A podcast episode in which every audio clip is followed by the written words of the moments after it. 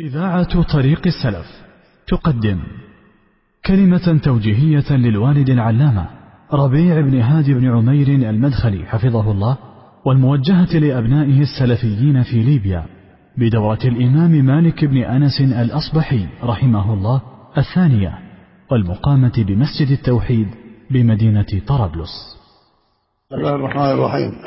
الحمد لله والصلاة والسلام على رسول الله. أما بعد فقد بلغني أن هناك خلافات بين السلفيين في ليبيا وهذا أمر غريب وعجيب. خلافات بارك الله فيك الآدلة فيها لمن يخالف منهج السلف ويتبع بعض الأشخاص الذين يطعنون في الناس بالظلم والباطل.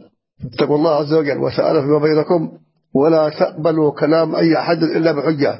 ومن يقبل كلام طعن في يطعن في السلفيين بدون حجة فإنه قد يلحق أهل البدع.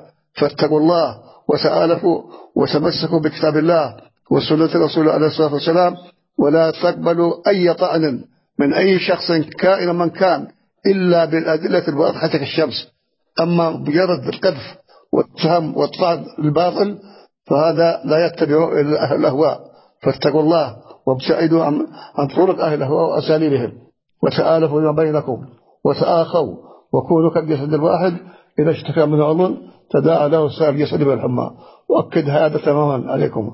أكد عليكم هذا أن تتآخوا وتتآلفوا وأن ترموا وتقذفوا بكلام الناس بعيدا بعيدا إذا كان من الحجة كائنا من كان. وقد بلغني أن ستقام دورة كما بعض الإخوان في مسجد التوحيد.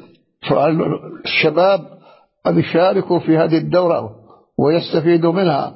وأن أوصل الجميع بالتآلف وأكد هذا وأكد هذا وأكد هذا. التآلف التآلف التآلف والبعد عن الخلاف فإن الخلاف يوقع في الدعوة السلفية والله يقول ولا تنازل في تفشلوا وتتبر يحكم